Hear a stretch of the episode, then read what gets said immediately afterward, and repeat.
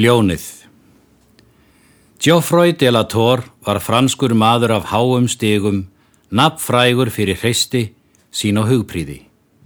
Hann var í leiðangursferð í Afríku þegar sagan gerðist. Dag einn heyrði hann óurlegt ljóns öskur í skógin okkrum og virtist honum sem ljóni var í erfileikum statt. Geoffroy bráð því skjótt við og hljóp inn í skógin þrátt fyrir aðvaranir félaga sinna.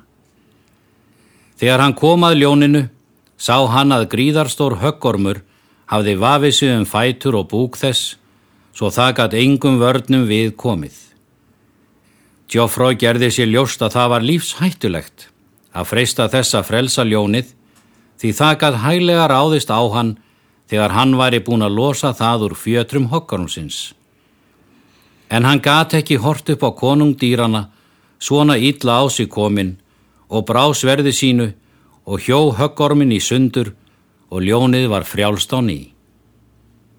Undir eins og þetta vesalingstýr var laust úr prísundinni, gekk það til Geoffroy og let honum í ljós þakklæti sitt með allskins vina látum.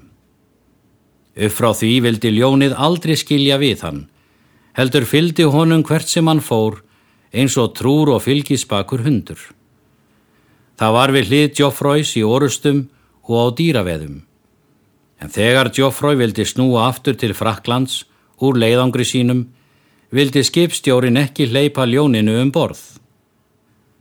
Þá var það svo miður sín af harmi að það stökk út í sjóin þegar lagt var úr höfn og syndu á eftir skipinu, þanga til það örmagnaðist og druknaði.